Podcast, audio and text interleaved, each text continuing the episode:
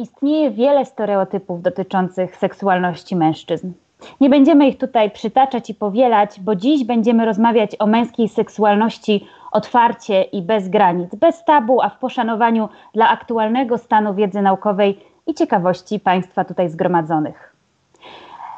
Moim i Państwa dzisiejszym gościem będzie seksuolog, psycholog, psychoterapeuta poznawczo-behawioralny, autor bestsellerowej książki Sztuka obsługi penisa Andrzej Gryżewski, który na co dzień pracuje w gabinecie CBT Seksuolog. Witam Cię serdecznie, Andrzeju. Dzień dobry, witam. E, dla tych z Was, dla tych z Państwa, którzy są z nami po raz pierwszy, przypominam, że nasze spotkanie ma charakter interaktywny. To znaczy, zachęcamy Państwa do tego, aby już od teraz w oknie czatu zadawać pytania skierowane e, do naszego eksperta. Jeżeli poszukujecie Państwo rzetelnej wiedzy na pytania związane z seksualnością mężczyzn, to znaleźliście się we właściwym miejscu i we właściwym czasie skorzystam sobie z przywileju e, bycia prowadzącą tego spotkania i zadam pierwsze e, pytanie. Coraz częściej mówi się o seksualności, na szczęście. Wiem, że stan jest daleki od idealnego, ale mam wrażenie, że powoli zmierzamy w coraz to lepszym kierunku. Mam takie wrażenie jednak, że więcej mówi się o seksualności kobiet, e, ich potrzebach, obawach, granicach. A co skłoniło Ciebie do przyjrzenia się męskiej seksualności i czym ona różni się od tej seksualności w ujęciu na przykład kobiet? Do napisania książki Sztuka obsługa, obsługi penisa i w ogóle do napisania kilku książek o, o seksualności jeszcze napisałem dla osób nieheteroseksualnych książkę jak facet z facetem. E, napisałem książkę taką psychologiczno-seksuologiczną Macho Instrukcja obsługi, więc y, piszę regularnie książki o, o męskiej seksualności, o męskości. I mnie zawsze i z jednej strony intryguje, i z drugiej strony inspiruje to, co mężczyźni, klienci, którzy przychodzą do mojego gabinetu, mi mówią. Mianowicie oni często przychodzą i pokazują mi wręcz mową ciała, że oni mają splątane ręce, że nie mają skąd wziąć y, wiedzy rzetelnej, uczą się często na pornografii. Tam y, przede wszystkim doświadczają tej edukacji seksualnej E, I taka, tego typu edukacja seksualna robi im źle, kolokwialnie mówiąc. Mianowicie mm, obniża ich samoocenę, nie wierzą w siebie, w, mm, jeśli chodzi o, o swój performance w łóżku, bo to, co widzą na pornografii, a to, co zdarza się im w sypialni, to są dwie zupełnie różne rzeczy. I oni często przychodzą i mówią, że są w takim klinczu, bo z jednej strony seksualność dla nich jest ogromnie wstydliwa i trudno porozmawiać im e, z partnerką o seksie, bo mają poczucie, że partnerka jest po drugiej stronie barykady, że mm, trzeba się wykazać przed kobietą i że mm, trzeba się zaprezentować. W związku z tym włącza im się taki lęk zadaniowy w seksie. I to nie buduje jakiegoś wielkiego porozumienia, tylko wręcz przeciwnie, no, ch chcą e, dobrze wypaść. Natomiast e, jak szukają gdzieś indziej pomocy, no to swoim kolegom nie mogą też odpowiedzieć w pracy czy w swojej grupie rówieśniczej, bo mają poczucie, że trochę stracą w tej drabinie społecznej, że tu sobie wyrobili jakąś pozycję pod względem wysportowania ciała, czy pod względem pozycji społecznej, zarobków, a tymczasem jakby opowiedzieli nagle, że mają zaburzenia erekcji, to mają poczucie, żeby strasznie zdegradowali się w tej drabinie społecznej. No i często oglądają pornografię i tam uważają, że e, mniej lub bardziej to jest jakiś, jakaś norma, według której oni powinni funkcjonować. Mm, a 90% tego, co oglądają, to absolutnie mija się z normą. Mhm. Mówiłeś o zaburzeniach erekcji. Anna dopytuje, czy zaburzenia erekcji u mężczyzn na tle psychicznym zawsze wymagają terapii? Czy Twoim zdaniem możliwe jest samodzielne poradzenie sobie z takim problemem?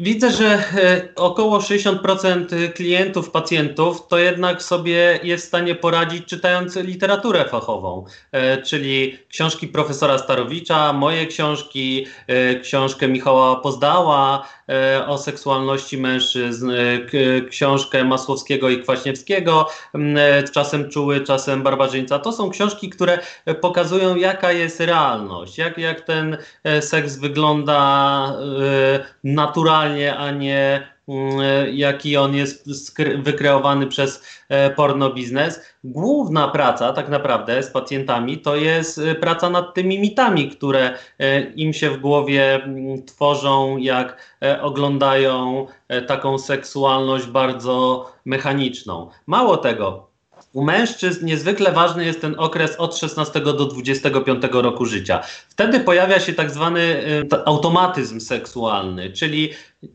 nieważne jak atrakcyjna jest partnerka, czy jest atrakcyjna na procent dla nich, dla danego mężczyzny, na procent 90 czy na procent 60, nieważne czy jaka jest pora dnia, czy to jest poranek, kiedy mężczyźni mają dużo testosteronu i wtedy zu, zupełnie inaczej funkcjonują e, w seksie, czy to też jest wieczór, kiedy mają mało testosteronu i, i e, ten, ta seksualność jest w takim zaniku, to w tym okresie od 16 do 25 roku życia jest duże prawdopodobieństwo, że erek erekcja będzie, że popęd seksualny będzie e, wysoki. Po 25 roku życia to już wszystko zależy od tego, jak mężczyzna się zaprzyjaźni ze swoim ciałem. Czyli czy będzie się wysypiał, to jest niesamowicie ważne. Mężczyzna musi spać od 7 do 8 godzin. Jeśli śpi po, poniżej 6, to zaczyna się gospodarka rabunkowa, wtedy ma niższy popęd seksualny, ma trudności z utrzymaniem wzwodu, z dojściem do orgazmu, z, z właśnie taką solidną sztywnością członka. Pierwsze to wysypianie się. Po drugie, mm, e, jedzenie, czyli e, pięć posiłków e, dziennie co jakieś 3-4 godziny. Zazwyczaj moi klienci, którzy tutaj przychodzą do gabinetu, to oni jedzą albo nie jedzą śniadanie i to zazwyczaj jest bardzo skromne śniadanie. E, to jest na szybko odfajkowany jakiś lunch i generalnie przychodzą do domu o godzinie 18-19 i wtedy dopiero zaczynają sobie szykować kolację. I ta kolacja jest bardzo duża, jest kaloryczna, e, i wtedy nie ma możliwości, żeby ten seks się dobrze udał, bo mężczyzna się czuje ociężały, czuje się sfrustrowany, bo w ciągu dnia e, miał zaburzoną tą higienę e, kulinarną. I, I z tego seksu raczej wtedy niewiele jest. I to, to jest druga rzecz, czyli te posiłki. A trzecia rzecz to jest aktywność sportowa. Czas teraz nie sprzyja, bo jest okres pandemii, to um, dużo, dużo osób siedzi e, w domu, bo, bo, bo musi, bo zachowuje kwarantannę. I, i no, w, w porządku to jest, że, że mm, te wytyczne, które są. Yy, opisywane przez lekarzy jest, są spełniane, natomiast większość moich klientów od czasu pandemii bardzo przytyła. E, I jak mężczyzna przytyje i ma taką otyłość brzuszną, to to jest ta otyłość brzuszna, brzuszna to jest taka fabryka, która zamienia e, hormony męskie na hormony kobiece. Testosteron na estrogeny i od razu obniża się e, popęd seksualny, obniżają się e, erekcje, więc aktywność sportowa jest niesamowicie ważna i mam nadzieję, że wielu mężczyzn jednak wróci po, po, po czasie tej pandemii do, do sportu. Tylko. Mm, to nie wystarczy przejść się do tramwaju i przejechać, czy autobusu i przejechać e, kilka przystanków do pracy i, i wysiąść z tramwaju i dojść do pracy i z powrotem. To musi być minimum takie 30, albo codziennie e, takie 30 minut szybkiego marszu ala korzeniowski, e, mhm. albo musi to być trzy razy w tygodniu trening e, po godzinę, po półtorej. E, takie potrzebne są u nas e, treningi większe. Oczywiście nie, nie sport ekstremalny, bo to też potrafi wygasić e, popęd seksualny. Mhm. Ja myślę, że. Mhm. Więc po tym 25 roku życia niez, niezwykle ważne jest to, czy my się zaprzyjaźnimy z tym swoim ciałem, czy nie. Jeśli się za, zaprzyjaźnimy, będziemy dbać o sport, o jedzenie, e, o sen, e, czyli o te podstawy takie biologiczne, to jest prawdopodobieństwo, że te wzwody będziemy w stanie utrzymać e, w takiej fajnej formie do jakiejś 50, 60. E, ci mężczyźni, którzy zaprzepaszczą te, te funkcje biologiczne, to seks może się im skończyć koło 30, koło 40 roku życia. Mhm. I nie warto iść na taką przedwczesną emeryturę seksualną, bo emerytami to jesteśmy tylko dla ZUS-u. Na, na emeryturę seksualną nie warto się wybrać. Myślę, że dla wielu tutaj z Państwa, patrząc też po komentarzach, jest to ciekawe, ciekawe y, ujęcie takiego zdrowia biologicznego w połączeniu ze zdrowiem seksualnym. Rozmawialiśmy o erekcji, a Ty zahaczyłeś o ruch fizyczny, y, prawidłowe odżywianie się i sen, więc cieszę się, że podkreślone to zostało, jak ważne jest współdziałanie tych dwóch czynników. Naszych widzów interesuje, z czym najczęściej zgłaszają się do Ciebie pacjenci, do Twojego gabinetu e, mężczyźni, jakie mają problemy, jakie mają trudności. Oczywiście wiemy, że obowiązuje Cię tajemnica zawodowa, ale gdybyś mógł nam nakreślić, jakie to są najczęściej przypadki i trudności? Najczęściej ja się spotykam z lękiem zadaniowym, czyli ona wchodzi do łóżka i ma w głowie taki mit zakodowany, że teraz musi utrzymać wzwód i ten wzwód musi, tą erekcję musi utrzymać co najmniej przez kilkadziesiąt minut, ze 30, ze 40. Oczywiście to jest niewykonalne, no ale tak widział na filmach pornograficznych, więc stwierdził, że to jest norma. E, ma poczucie, że musi doprowadzić e, do orgazmu kobietę i to orgazmu pochwowego, nie, nie łechtaczkowego e, i najlepiej jakby pod rząd kobieta miała pięć orgazmów. No i jeśli mężczyzna z takim e, nastawieniem podchodzi do, do seksu z kobietą, no to właściwie jest mission impossible, e, że tego się nie da, nie da zrobić. Mm, co ciekawe, dalej pokutuje ten mit Freuda, że mm, orgazmy, że prawdziwe orgazmy u kobiety to są orgazmy pochwowe. E, ja tutaj oczywiście w swoim gabinecie mam Freuda, tutaj Zygmunt Freud e, jest, ale to z szacunku dla autorytetów, bo on fajne e, podstawy pod psychoterapię dał, natomiast tutaj się mylił z tymi orgazmami, że tak naprawdę najbardziej ukrwiona jest łechtaczka i zewnętrzne warstwy pochwy, e, czyli, czyli e, wargi sromowe większe, wargi sromowe mniejsze, wejście do, do pochwy. Natomiast on, jemu się wydawało, że mm, mężczyzna tym członkiem powinien doprowadzić kobietę do orgazmu, że że e, właściwie na końcu pochwy jest e, najbardziej reaktywna u kobiet tkanka e, seksualna. I dlatego wielu mężczyzn ma kompleks małego członka, bo mają poczucie, że muszą mieć wystarczającego długie, wystarczająco długiego penisa, żeby sięgnąć tam do, do końca pochwy. Prawda jest taka, że mm, przód po, pochwy, wejście do pochwy, łechtaczka są bardzo unerwione, a w pochwie jest unerwiony ten obszar w punkcie G. E, on się znajduje 5 cm od wejścia do pochwy, czyli ci mężczyźni, którzy na przykład mieszkają w Japonii i u nich długość e, członka jest mniej więcej około 9 cm, to oni spokojnie się łapią na to, żeby stymulować członkiem ten punkt G. Natomiast Natomiast w Polsce mężczyźni mają od 12 e, do 14 e, centymetrów, czyli e, dwa razy tyle niż potrzeba do stymulacji tego punktu G, a i tak większość ma, ma kompleks małego członka. Mhm. E, i, I jak pojawia się seks z nową partnerką, to u nich ten lęk zadaniowy się nawet z tego tytułu pojawia, że, że myślą, że inni poprzedni partnerzy to mieli wielkie członki, tak jak na pornografii, że ten członek sięga przez pół pokoju, a jego członek to, to jest taki malutki mikropenis, mikrus. Chociaż większość moich pacjentów całkowicie łapie się w tej normie od 12 do 14 centymetrów. Mhm. Mateusz się dzieli takim e, przemyśleniem i też ma do Ciebie pytanie, że nie ma zazwyczaj problemów, ze, problemów ze śmiałością w większości dziedzin życia, ale kiedy przychodzi do seksu paraliż, mimo zidentyfikowanych traum, podjęcie stosunku jest dla niego bardzo trudne. Jak sobie radzić z takim, z takim stresem e, przy kontaktach seksualnych? Właśnie i bardzo, bardzo fajnie, że Mateusz zadał to pytanie, bo to jest, um, to jest niezwykle istotna kwestia. Mianowicie, jak mężczyzna zaczyna się spotykać z nową partnerką i spotykają się gdzieś na kolacji, e, w restauracji, e, idą na, na spacer, do kina, do teatru, to buduje on z, z tą partnerką poczucie bezpieczeństwa, taki fundament przewidywalności, zaufania. Tylko mm, co ciekawe, to poczucie bezpieczeństwa życiowego, ono bezpośrednio się nie przekłada na poczucie w seksie. W seksie niestety, albo stety właśnie, musimy sobie wypracować odpowiednią liczbę roboczo godzin. Mianowicie jak idziemy do łóżka i w pierwszym zbliżeniu nam coś nie, nie pójdzie, bo mamy przedczesny wytrysk na przykład, albo zaburzenia erekcji, w drugim, w trzecim, to większość mężczyzn po kilku razach nieudanych od razu wyciąga wnioski, że są słabymi kochankami seksualnymi mm, i od razu się podłamują i najczęściej mężczyzna się wycofuje wtedy z seksu.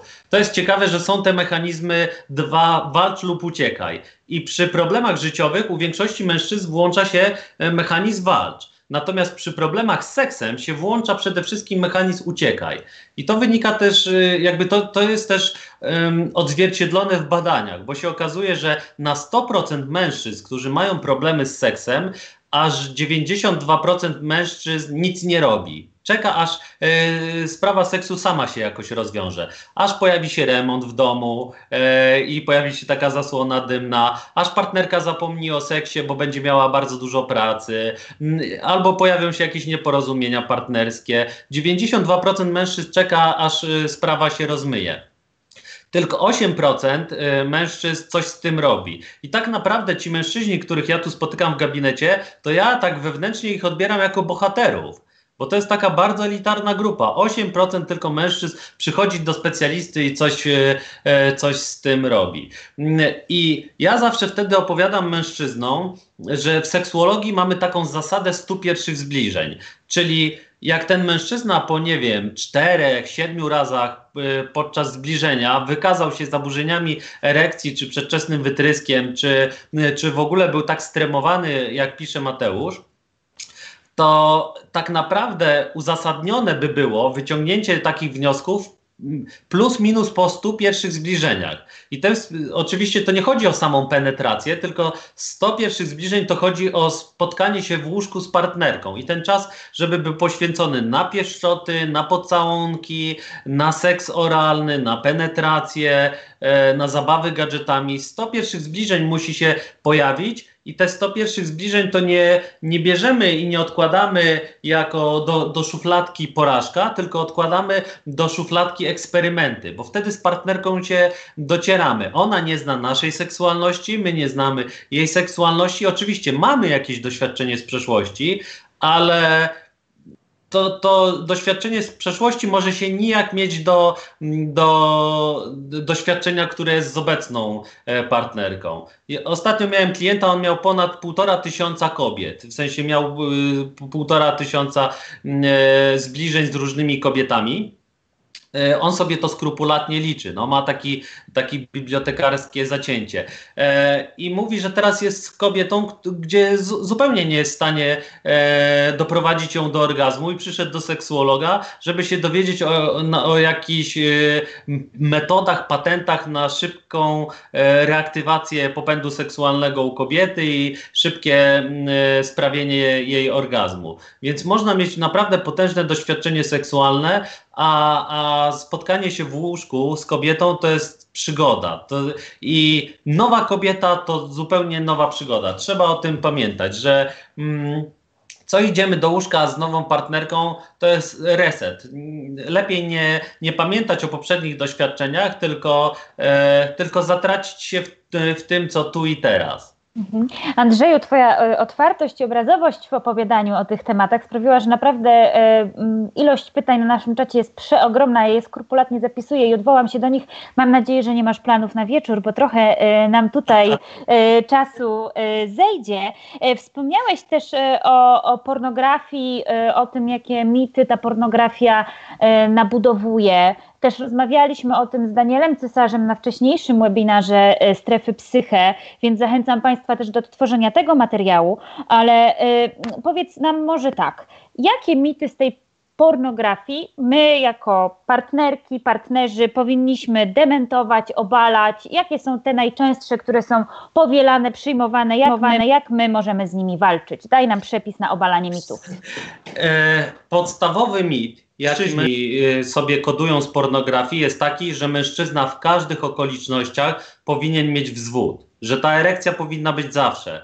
E, ci pacjenci e, trochę ze starszego pokolenia, 40-parolatkowie, 50-parolatkowie, mówią, że erekcja to powinien, powinna być jak taki radziecki czołg, który przejedzie przez las, przez wodę, e, przez pole, że zawsze w każdych okolicznościach powinien, powinien być wzwód. I dlaczego tak się dzieje? Dlatego, że większość mężczyzn, którzy na przykład, nie wiem, są w wieku 30 lat, to obejrzeli już setki filmów pornograficznych.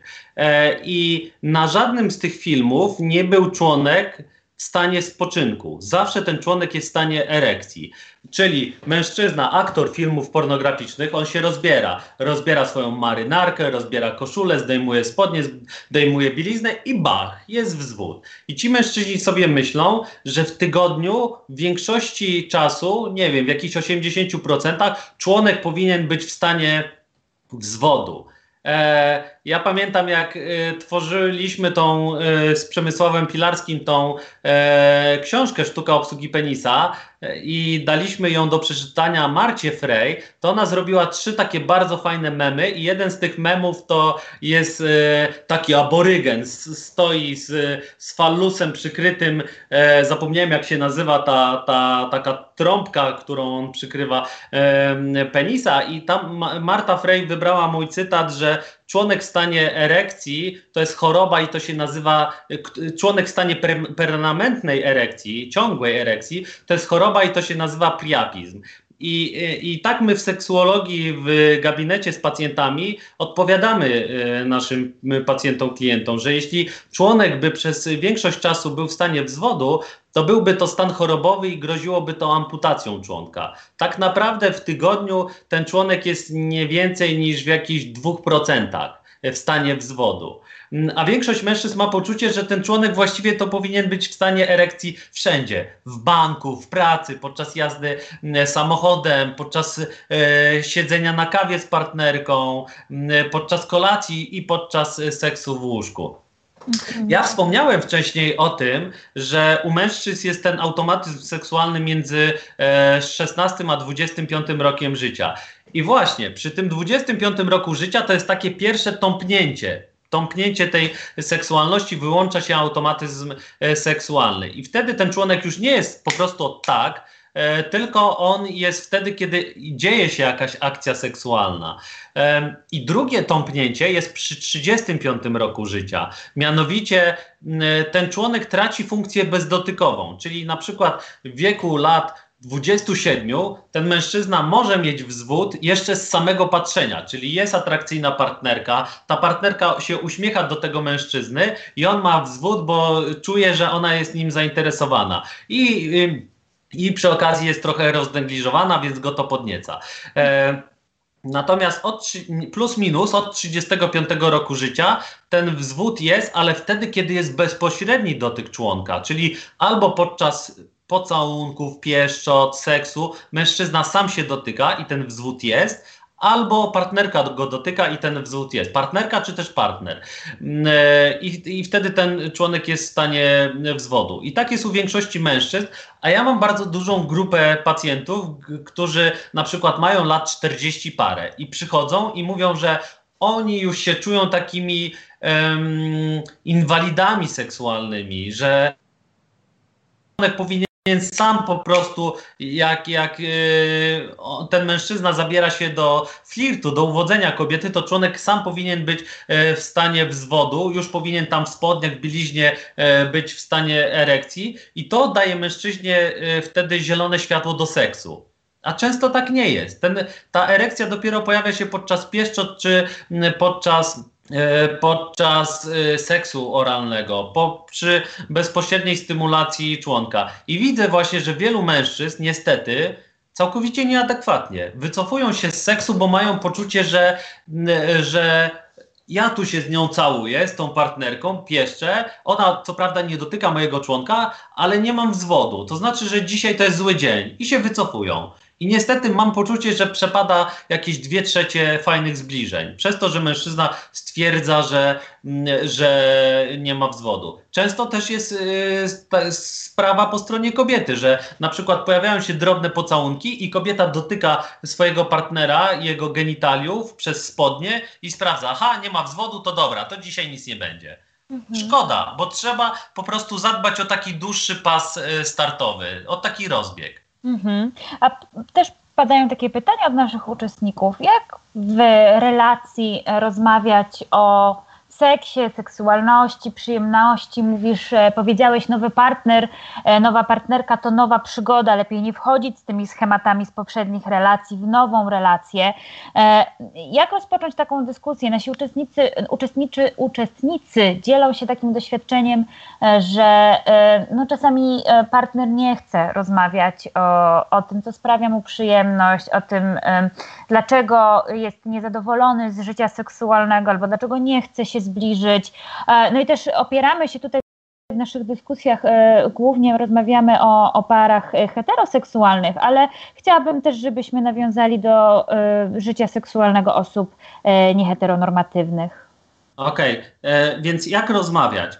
Ja jestem e, ogromnym fanem kina. Uwielbiam chodzić do kina, chodzę ze dwa, czasami trzy razy w tygodniu, e, bo e, zawsze w piątki wchodzi nowy repertuar. E, I oczywiście wchodzi jakiś horror, wchodzi jakiś film akcji, e, wchodzi jakiś dramat, jakiś dokument, ale też wchodzą filmy związane z miłością, z seksem, e, z erotyką i warto taki film potraktować jako pretekst, czyli idziemy z partnerką, z partnerem na taki seans, oglądamy sobie w przyjemnych okolicznościach e, film, później idziemy na przykład na spacer czy do restauracji i o, rozmawiamy o tym filmie. I 20 minut warto poświęcić na, na to, jak to zrozumiał ten film, co było ważnego, jakie wątki były ciekawe, a później warto to przerzucić do tego mm, seksu partnerskiego, e, czyli jakie wątki ze mną korespondowały, co tam było fajnego, co my moglibyśmy w tej parze wdrożyć, czego bym nie chciał. E, warto filmy, kulturę. Mm, potraktować jako pretekst do rozmowy e, o seksualności. Dużo też książek e, wychodzi o, o seksualności. Mm, e, są to książki bardziej głębokie, mniej głębokie. W ostatnim czasie Blanka Lipińska pisała różne takie lżejsze książki o, o, o seksualności. To, to na wiele osób zadziałało na ich wyobraźnię, zostało to też zekranizowane, więc jest parę, parę takich pozycji, które warto przeczytać. Profesor Starowicz pisze ze dwie książki w roku lekko o, o, o seksualności człowieka, więc można sobie na przykład na głos czytać na zmianę, że jedna osoba kilka stron, druga osoba kilka stron i omawiamy mi się ogromnie podoba e, taka seria książek profesora Starowicza. E, może, może zareklamuję, bo, bo, bo warto. Śmiało. Wszelkie polecenia literatury są dla nas bardzo cenne. O, bach. E, łatwo ją poznać w, w Empiku, bo po prostu jest biała z czerwonym paskiem e, i to jest seria o kobiecie, o zazdrości, o rozkoszy, o mężczyźnie, o miłości, ona, on e, i jeszcze rozmówki małżeńskie i wszystko da się naprawić. Więc to są takie książki napisane w bardzo lekki sposób, bardzo obrazowo. E, czy, czyta się je jako takie krótkie felietony i można je potraktować jako można je potraktować jako pretekst do rozmowy o życiu, o życiu seksualnym. E, też widzę, ja że. Ja rozumiem, mhm. pojawiają się tutaj pytania. Kontrowersje wzbudziło Twoje polecenie książki Blanki Lipińskiej. E, ja się zastanawiam, niestety nie miałam, e, przyjem, miałam e, przyjemności zapoznać się z tą książką. Natomiast zastanawiam się, rozumiem, że mówisz o literaturze i filmie, nawet jeżeli nie są one skoncentrowane wokół tematyki seksualnej, jako takiego mm, powodu do poszukiwania wspólnych interpretacji, ale także takiego poznawczego podejścia do siebie, poznawania się, co lubisz, tak, co też... jest ci potrzebne. Mówię też o takich książkach, które są przyczynkiem do tego, żeby się nawet podniecić. No, e, do Blanki Lipińskiej e, niektóre osoby mają takie zażalenie, że to jest taka literatura e, dla Kowalskiego, że jest ona w prosty sposób napisana. Ale dużo osób korzysta z tego. To, to są obrazy, które podniecają. Jeśli mhm. na przykład ktoś potrzebuje bardziej złożonej literatury, to moja koleżanka napisała świetną książkę, też, też polecę. E, Słuchajcie, Andrzej nam zaraz wyjmie całą swoją bibliotekę. No, mam tu 3000 książek seksuologicznych i psychologicznych, więc wszystkiego nie, nie pokażę dzisiaj, bo po prostu nie mamy tyle czasu, ale Marta Masada napisała bardzo fajną książkę e, Święto Trąbek. Jest tam dużo fajnego seksu, jest tam też sporo takiego obscenicznego seksu. E, natomiast mam też dużo klientek, trochę od kobiet, ale mam też dużo klientek, które mają poczucie że nie powinny tak się z tym seksem otwierać, nie powinny wychodzić w takie wyuzdanie, bo wtedy mężczyzna właśnie włączy mu się ten, ten lęk zadaniowy yy, i pomyśli sobie, że kobieta jest bardzo wymagająca, jeśli kobieta będzie otwarta seksualnie, jeśli będzie wyuzdana. I wielu klientkom polecam yy, taką książkę. Ona się nazywa Terapia Narodu za pomocą seksu grupowego. Jest to yy, książka napisana E, przez e, jakąś kobietę e, z Polski.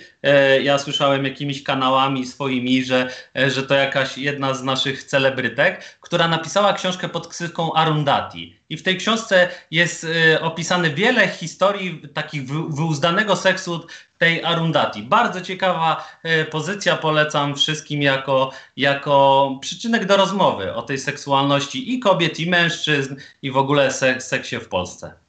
Dobrze, to porządkując i wracając do tematów, żebyśmy tutaj e, nie rozmawiali tylko o literaturze e, popularno-naukowej, ale cieszę się, że poleciłeś też nam e, pozycje, pozycje naukowe profesora, profesora Starowicza.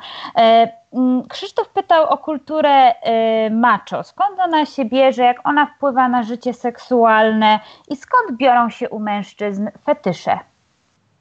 Okej, okay. co do kultury macho, to rozwinięcie y, tego, te, tej y, ja bym polecił moją książkę, którą napisałem o macho. Znowu muszę, znowu muszę sięgnąć. Macho, instrukcja obsługi, tam y, są wszelkie odpowiedzi na pytania o, o macho. Y, natomiast Macho cieszą się dużym, dużą popularnością w Polsce, bo to są tak zwani bad boye. Oni pokazują, że mają życie kolorowe, że seksualność mają kolorową. E, a jak, tak, jak naprawdę jest z tym seksem macho, to odsyłam do mojej książki, bo nie chcę spoilerować. Tam, tam e, wszystkie meandry seksualności macho e, opisuję. Natomiast jak, e, jak się tworzą fetysze? Fetysze się często tworzą w ten sposób, że orgazm, orgazm to jest taka pieczęć, która nam przybija stan aktualny, czyli że jeśli na przykład mężczyzna jest, ma lat 16 i masturbuje się w łazience. I gdzieś na obok, na, na sznurku wiszą e, pończochy jego siostry czy jego matki, to masturbując się 2, 3, 4 razy, on sobie gdzieś podprogowo zakoduje też te pończochy i na przykład później e, będzie potrzebował do seksu tych pończoch, żeby się mocno podniecił. I mówi się o fetyszu małym i fetyszu dużym. Jeśli ktoś potrzebuje do takiego lekkiego podkręcenia się seksualnego tych pończoch, to jest fetysz mały, ale jeśli e, potrzebuje te pończochy bardziej niż kobietę, która je nosi, to wtedy jest fetysz duży. No i rzeczywiście część, e, część moich pacjentów ma ten fetysz duży i, i pada im życie seksualne, jeśli tego fetyszu e, nie uskuteczniają. Czyli na przykład mam klientów, którzy się uwarunkowali na szpilki, e, no i nie, nie zawsze ich partnerka nie zawsze może chodzić w tych szpilkach po łóżku, bo to załóżmy już trzecia kanapa, którą ona e, porwała tymi szpilkami i, i, i sobie nie życzy, żeby tak e, psute były, były meble. Więc w takiej sytuacji trzeba się odkodować, odwarunkować z, tej, z, te, z tego fetyszu i pracujemy sobie w gabinecie z dużą skutecznością. Mhm. Kolejne pytanie od naszej słuchaczki. Czy partnerka może pomóc w radzeniu sobie z lękiem zadaniowym partnera? Czy jako tak, partnerzy tak. możemy wspierać Właśnie. takie osoby? To jest niezwykle ważne pytanie, dlatego że mm, najczęściej ja się spotykam z dwoma typami reakcji. Jedna, jedna, jeden typ reakcji to jest taka e, kobieta, która się, jeśli mężczyzna na przykład wykaże się zaburzeniami erekcji, to ona się czuje dotknięta i kastruje tego mężczyznę. E, czyli ty musisz być jakimś gejem, że przy mnie e, nie masz wzwodu. Albo mówi coś innego. Wiesz co, ty jesteś półmężczyzną, nie jesteś pełnym mężczyzną. Wszyscy inni moi byli partnerzy, przy mnie to zawsze mieli stalowe erekcje, a ty po prostu jakiś masz półwzwód. Jeśli masz półwzwód, to jesteś półmężczyzną. Prosta sprawa. E, I to jest taka grupa kobiet, która e, kastruje. Niestety ja nie znam sytuacji, kiedy, e, a przez te 15 lat pracy miałem z 9 tysięcy klientów i nie znam e, sytuacji, kiedy e, takie kastrowanie by pomogło mężczyźnie, żeby on miał solidne wzwody. Zawsze takie kastrowanie prowadzi do tego, że mężczyzna się wycofuje z seksu i ma jeszcze większe zaburzenia erekcji.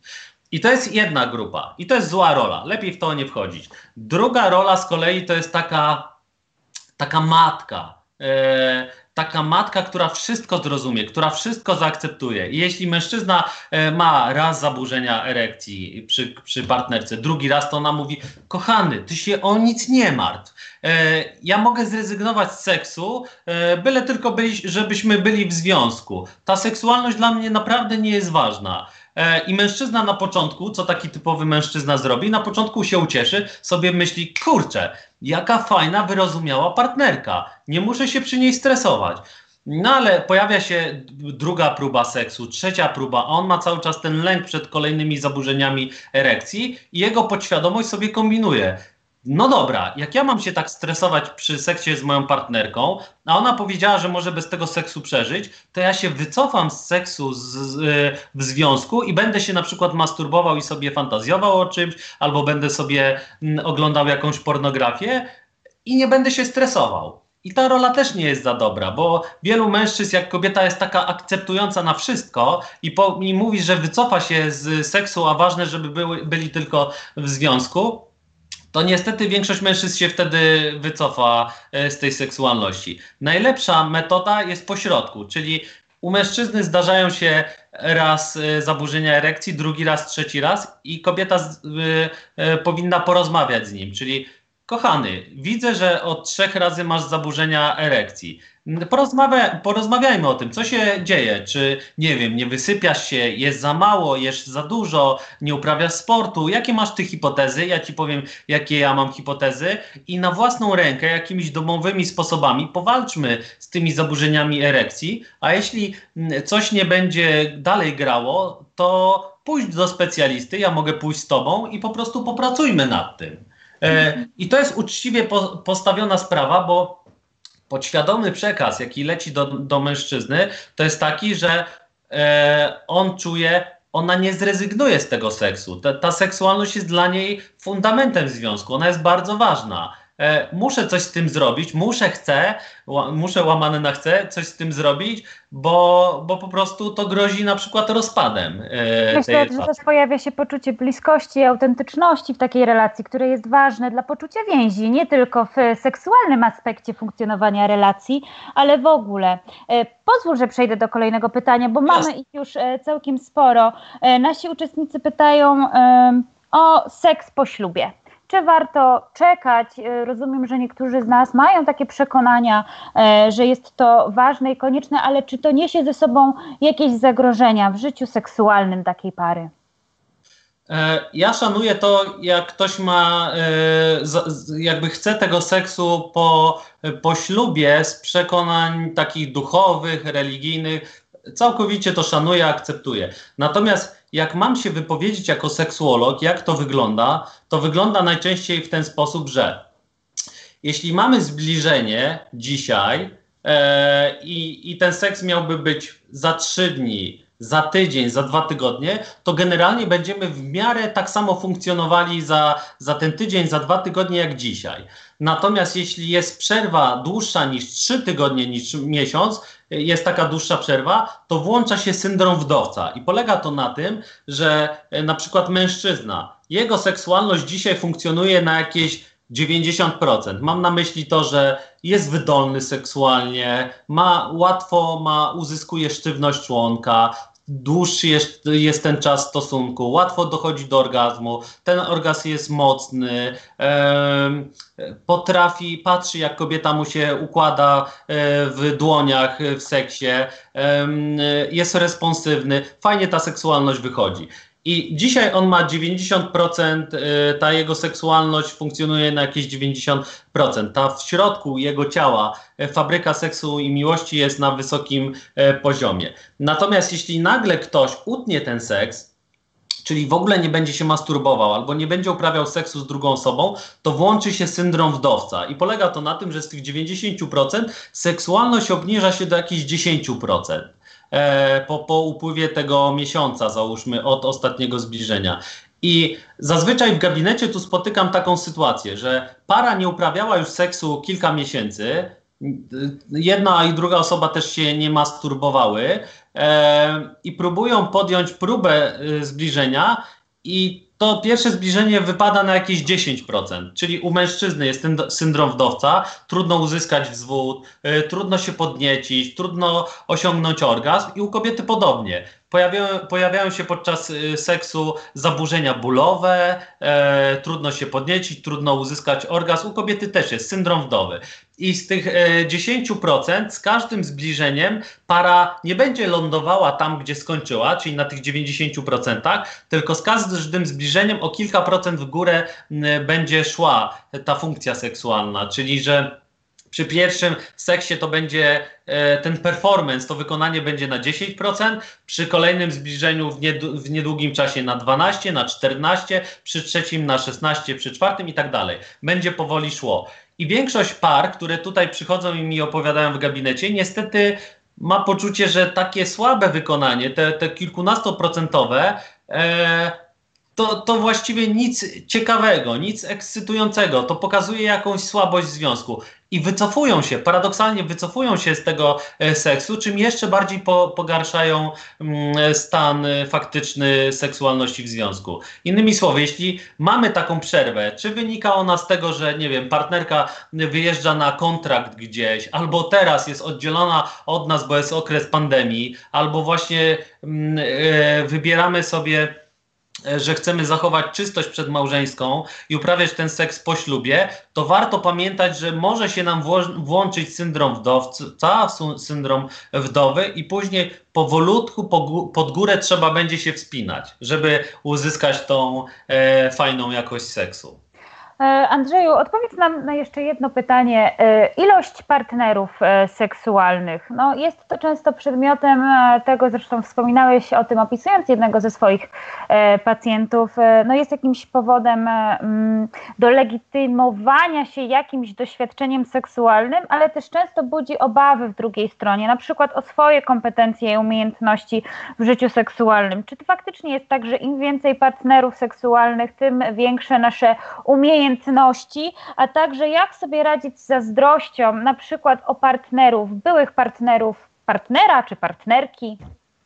E, paradoksalnie to wygląda w ten sposób, że niby im więcej mamy partnerów, tym większe powinniśmy mieć doświadczenie w seksie, e, ale przypomina mi się taki klient, który liczył swoje partnerki aż miał mniej więcej 500 partnerek i przestał liczyć, bo stwierdził, że to niewiele wnosi, czy miał 550 czy 620.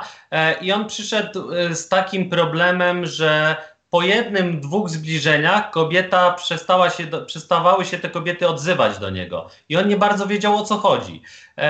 I podczas, tu, podczas pierwszej rozmowy tu w gabinecie wyszło, że on w ogóle, mając tyle partnerek, kilkaset mając partnerek, on w ogóle nie wiedział, że kobieta ma łechtaczkę. E, I dopiero tutaj e, stwierdził, że to, to coś, ten taka jakaś wypustka skórna nad wejściem do pochwy to jest łechtaczka prawdopodobnie e, i według niego e, i że to może mieć jakieś kluczowe znaczenie w seksie z kobietą. No może mieć i myślę sobie, że takie rzeczy powinniśmy, może mieć i ma w ogóle znaczenie i takie rzeczy powinniśmy e, słyszeć o nich na edukacji seksualnej. I można powiedzieć, że ten mężczyzna, jakby powiedział swojej aktualnej partnerce, że miał kilkaset partnerek, to ona by się mogła poczuć, nie wiem, zdruzgotana, zafrapowana, e, że on miał tyle partnerek e, i by pomyślała, że on może ją jakoś prze, przerastać doświadczeniem seksualnym, a tymczasem ten mężczyzna no, cechował się nikłym doświadczeniem seksualnym. Uprawiał raczej seks mechaniczny. Mhm. Więc generalnie y, duże doświadczenie, to znaczy wielość partnerów może budować u nas doświadczenie seksualne, ale pytanie, czy my w ogóle coś wyciągamy z tego seksu? Czy to jest po prostu taki mechaniczny seks, jaki jest często na, na pornografii? Czy my uzyskujemy kontakt z tą drugą osobą, wymieniamy się informacjami zwrotnymi, budujemy bliskość? Mm, jak sobie poradzić z, takim, z taką zazdrością? E, warto sobie pomyśleć, że to ja wygrałem, wygrałam z tymi wszystkimi partnerkami czy partnerami tego, mm, tego naszego oblubieńca, że tak powiem. E, I że gdyby tam było coś ciekawego, inspirującego, fajnego, to byśmy się nie spotkali w tym łóżku z aktualną osobą. Mhm. Cieszę się, że wspominasz o edukacji seksualnej i o tym, jak ważna ona jest w kształtowaniu naszego życia e, seksualnego i także naszej wiedzy, która bezpośrednio się na to przekłada. Ja Państwa odsyłam raz jeszcze do webinaru, który został temu poświęcony z Danielem Cesarzem, ale również polecam Państwu materiał, e, który przeprowadziłam z Olą Żółkowską. Seks zaczyna się w głowie, również tam znajdziecie e, wątki na ten temat. Kolejny nasz słuchacz mówi o tym, że dużo mówi się o przedwczesnym wytrysku, mniej o opóźnionym. Czy mógłbyś także o tym coś powiedzieć i czy spoty, spotykasz się z osobami e, z takimi e, dolegliwościami w swoim gabinecie? Rzeczywiście, z przedwczesnym wytryskiem jest e, bardzo dużo osób. E, mm, prawdopodobnie osób do 25 roku życia z przedwczesnym wytryskiem może być nawet 60%, po 25 roku życia około 30%, więc to jest duża populacja. Wytrysk, przedwczesny wytrysk zresztą E, jest u wielu mężczyzn w standardzie, jak się pojawia nowa partnerka, no bo nie znają tej partnerki, nie widzieli jej jeszcze nago e, i jak ona zaczyna się rozbierać, no to dla nich to jest tak podniecające, e, ta bliskość z kobietą, z nową kobietą, z nowym ciałem, z, nowym, z nowymi reakcjami seksualnymi, że mężczyzna bardzo szybko, zanim cokolwiek się zacznie, to się szybko kończy. My w seksuologii trochę pół żartem, pół serio nazywamy e, wytrysk, że to jest syndrom młodego kelnera, czyli zanim doniesie, to rozleje. E, to, tak to kolokwialnie naz nazywamy. Natomiast e, wytrysk opóźniony bardzo mało jest opisywany w literaturze e, i naukowej, i popularno-naukowej, a on rzeczywiście występuje. Często występuje u mężczyzn, którzy leczą się z depresji. Biorą SSRI, e, leki wychwytu zwrotnego serotoniny, które opóźniają czas stosunku, ale może tak, mo mogą nawet tak opóźniać czas stosunku, że mężczyzna może nie dojść. Więc jest to dość częsta sytuacja u mężczyzn, którzy chorują na depresję. E, jest też potężna grupa mężczyzn, którzy boją się e, ciąży, e, nieplanowanego zapłodnienia. I oni mają nawet nie wytrysk opóźniony, tylko mają wytrysk wsteczny, czyli podczas orgazmu jest wytrysk, ale ten wytrysk jest do pęcherza moczowego, a nie na zewnątrz. I jak mężczyzna po seksie idzie do łazienki i oddaje mocz, no to wtedy ten, ta, ta, sperma jest wydalana razem z moczem. I to może być właśnie u mężczyzn, którzy się e, boją nieplanowanej ciąży. Ja to spotykam yy, tu w gabinecie u mężczyzn, którzy mają mniej więcej od jakiegoś 17 roku życia do jakiegoś 22, 23, kiedy współżyją ze swoją partnerką i nie chcą, żeby e, ciąża przerwała im e, kariery naukowej, są na studiach na przykład albo świeżo rozpoczętej pracy, czują się na dorobku. E, I później po 23 roku życia widzę, że jakoś wycisza się ta grupa mężczyzn, którzy mają wytysteczny albo nie, nie dochodzą do, do orgazmu. I druga grupa potężna to są te pary, które się starają o, o dziecko.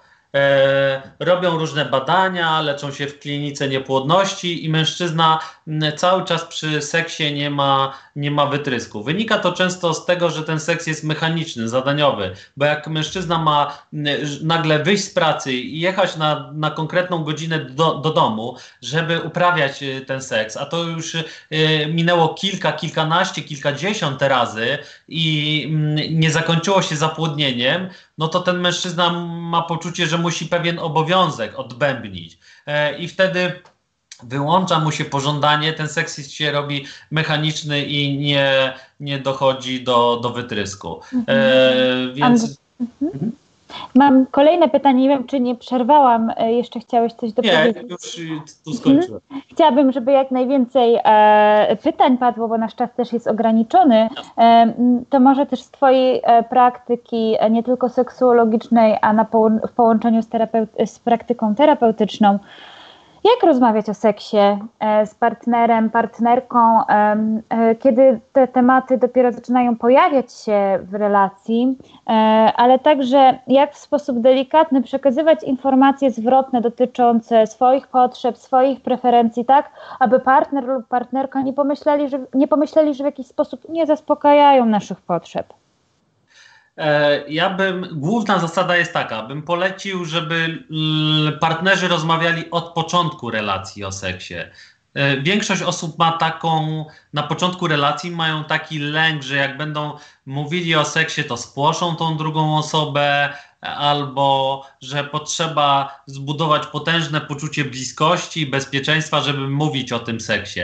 E, a w praktyce to wychodzi w ten sposób, że na przykład jeśli para przez pierwszy rok nie rozmawia o seksie, to później im niezwykle trudno y, rozpocząć rozmowy o, o, o erotyce w związku, o seksie, bo mają poczucie, że no kurczę, ale niby dla, jaki pretekst miałbym wykorzystać do tego, żeby teraz mówić o, o seksie? Co, co ona by sobie, czy co on sobie pomyśli, jak nagle wyjdę z takim tematem? Czyli, że jeśli po roku, po półtora związku zacznę mówić o seksie, o swoich potrzebach, to znaczy, że co, już ta druga osoba mi nie pasuje, albo że mm, e, już nie pożądam tej osoby. Takie są lęki u wielu osób, więc warto od początku i tak jak mówiłem, warto wykorzystać kulturę, książki, filmy. E, nawet ten Netflix bardzo dużo takich e, pozycji e, ma, ma jakby dużo jest filmów, seriali z seksem związanych, Sex Education, jest Yumi Hair, bardzo dobry też serial o, o seksie, jest The Affair, E, o dwóch małżeństwach, gdzie dochodzi do zdrady między e, tymi dwiema parami, więc jest, jest dużo taki, mm, ta, ta, takich kulturowych wątków, które można potraktować jako pretekst. Warto na te rozmowy patrzeć przez palce, czyli nie brać do siebie w 100% tego, co usłyszeliśmy od tej drugiej osoby. Warto pomyśleć o tym, jak w ogóle się zbieramy do rozmowy o seksie, na przykład z partnerką, to warto pomyśleć, że to nie jest moja pierwsza, definitywna, jedyna rozmowa o seksie, tylko to jest jedna z setek e, rozmów, z wielu, z kilkudziesięciu e, rozmów, które będę chciał przeprowadzić w tym roku 2020. Mhm. Rozumiem, że mówisz e, trochę o tym, że nasze preferencje i potrzeby i różne e, doznania mogą też się zmieniać w czasie i warto, żeby ten temat był obecny w spotkaniach, e, w relacji na bieżąco, a nie tylko od święta. Eryk dopytuje, ile średnio trwa okres refrakcji u mężczyzn i co na niego wpływa? E, to, to jest bardzo różnie. E, jedni seksuolodzy mówią, że to jest kwestia genetyczna, czyli e, przypomnę, okres refrakcji to jest okres takiej przerwy seksualnej między jednym zbliżeniem a drugim. I u jednych mężczyzn ta przerwa wynosi kilkanaście minut, u innych wynosi kilka godzin, u innych wynosi kilka dni. Ona jest też związana z wiekiem. Mężczyźni młodsi mają krótszy czas e, tej refrakcji, mężczyźni starsi potrzebują więcej, e, więcej czasu. To nie znaczy, że mężczyzna 50 czy 60-letni e, potrzebuje tygodni, żeby się zregenerować po jednym zbliżeniu, ale na pewno potrzebuje ciut więcej niż mężczyzna 20-letni. To też zależy, czy mężczyzna, czy mężczyznę dotyka ta gospodarka rabunkowa, o której mówiłem na początku naszego webinara, webinaru, że jeśli mężczyzna się nie wysypia, e, nie je e, tyle, ile powinien, nie, nie uprawia aktywności sportowej, jeśli się na przykład kłóci notorycznie z, z partnerką, no to, to ten czas refrakcji też może się wydłużyć. No, jak rozpoczęła się pandemia, to ja cały czas dostaję maile, ludzie piszą do mnie na Instagramie z prośbą o pomoc, bo, bo te tematy teraz partnerskie bardzo mocno wychodzą. O ile wcześniej większość miałem klientów indywidualnych, 70%, myślę, że klientów indywidualnych 30% par, to teraz 80% mam par, bo ten okres pandemii bardzo mocno rzutuje na seksualność E, człowieka i jak ludzie są w takim zagęszczeniu, w kawalerce czy w mieszkaniu dwupokojowym i cały czas się widzą, pracują e, na tym home office, e, to nie mają czasu się zregenerować i ten czas refrakcji między jednym seksem a drugim jest dłuższy. Mm-hmm. E, E, nawiążę też do e, kolejnego pytania. E, no, tutaj nasi uczestnicy mówią o tym, że obecnie mocno interesującym tematem są na przykład praktyki sadomaso, dominacji. Jak powinna wyglądać kwestia obopólnej zgody w takim wypadku, ustalenia na przykład wprowadzenia takich elementów do swojego życia seksualnego z poszanowaniem obu stron? Mm, my w seksuologii jesteśmy za tym, co, y, co Kazimierz Imieliński wymyślił, tak zwana norma partnerska. I ona polega na takich pięciu e, wytycznych. Czyli pierwsza wytyczna, że e, seks odbywa się między dwiema dojrzałymi osobami, czyli powyżej 15 roku życia. E, druga wytyczna, e, aktywność seksualna nie zaszkadza, nie szkodzi zdrowiu Czyli nie można e, uprawiać ten seks na przykład e, e, SM-owy, sad, sadomaso, z biciem takim, żeby, czy z podduszaniem, żeby to było na. E, trzecia rzecz, e, aktywność seksualna powinna być dla dwóch osób przyjemna. Czwarta rzecz powinna. Mm, dwie osoby powinny akceptować tą aktywność seksualną. Czyli na przykład jest kobieta, która bardzo naciska na seks analny, a jej partner y, uprawia ten seks analny z nią, jest to dla niego przyjemne, ale z kolei nie akceptuje to, nie wiem, ze względów higienicznych czy ze, ze względów światopoglądowych. No i piąta rzecz to aktywność seksualna nie szkodzi społeczeństwu, czyli nie uprawiamy te, tego seksu pod pałacem kultury. Y, Chociaż teraz no to, to, to, są takie pustki, że pewnie niewiele osób by widziało, ale chodzi o to, że nie, nie uprawiamy go społecznie, żeby, były, żeby nie były narażone dzieci czy osoby postronne, które nie chcą akurat naszej seksualności oglądać. Rozumiem, z komentarzy naszych e, czytelników wynika, że to właśnie nie do końca wybrzmiało z treści e, Bianki, e, Blanki Lipińskiej, stąd te uwagi. Kończąc nasz webinar, dziękuję Państwu bardzo serdecznie za te wszystkie pytania, ale też chciałabym Ciebie poprosić o top 3 literatury, którą chciałbyś, aby nasi czytelnicy przeczytali. Niech będzie to pozycja naukowa bądź popularno-naukowa, z której mogliby skorzystać nasi widzowie. Ja najchętniej oczywiście bym polecił swoje książki. No. Sztuka obsługi penisa, czy e, teraz z Katarzyną Miller napisałem książkę o terapii par, być parą i nie zwariować. O Macho wydaje mi się, że bardzo dużo z, z Arturem Górskim poświęciliśmy uwagi i zaangażowania, e, żeby tą książkę napisać. Ale tak, jeśli chodzi o literaturę naukową, to gorąco rzeczywiście polecam książki profesora Starowicza, zwłaszcza tą serię, którą, o której na początku naszego webinaru opowiedziałem. E, gorąco też zachęcam do książki Marty Masady, czyli e, Święto Trąbek. Dla kobiet przede wszystkim polecam Monologi Waginy. To jest genialna książka. E, dziennikarka w Stanach wpadła na pomysł, że zada jedno pytanie kobietom. Co by powiedziała twoja wagina, gdyby potrafiła mówić? I te kilka tysięcy odpowiedzi ona złączyła w jedno, skompilowała i napisała tą książkę e, Monologi Waginy. E, także jest wiele ostatnio bardzo dobrych e, książek. Teraz Andrzeju, też się... została Ci jedna pozycja do polecenia. Jedna pozycja. na top 3. O, no to polecam, polecam y, też y, o, właśnie terapia narodu za pomocą seksu grupowego, e, Arundati. Dobra, dziękuję Ci bardzo serdecznie za Dziękuję polecenia.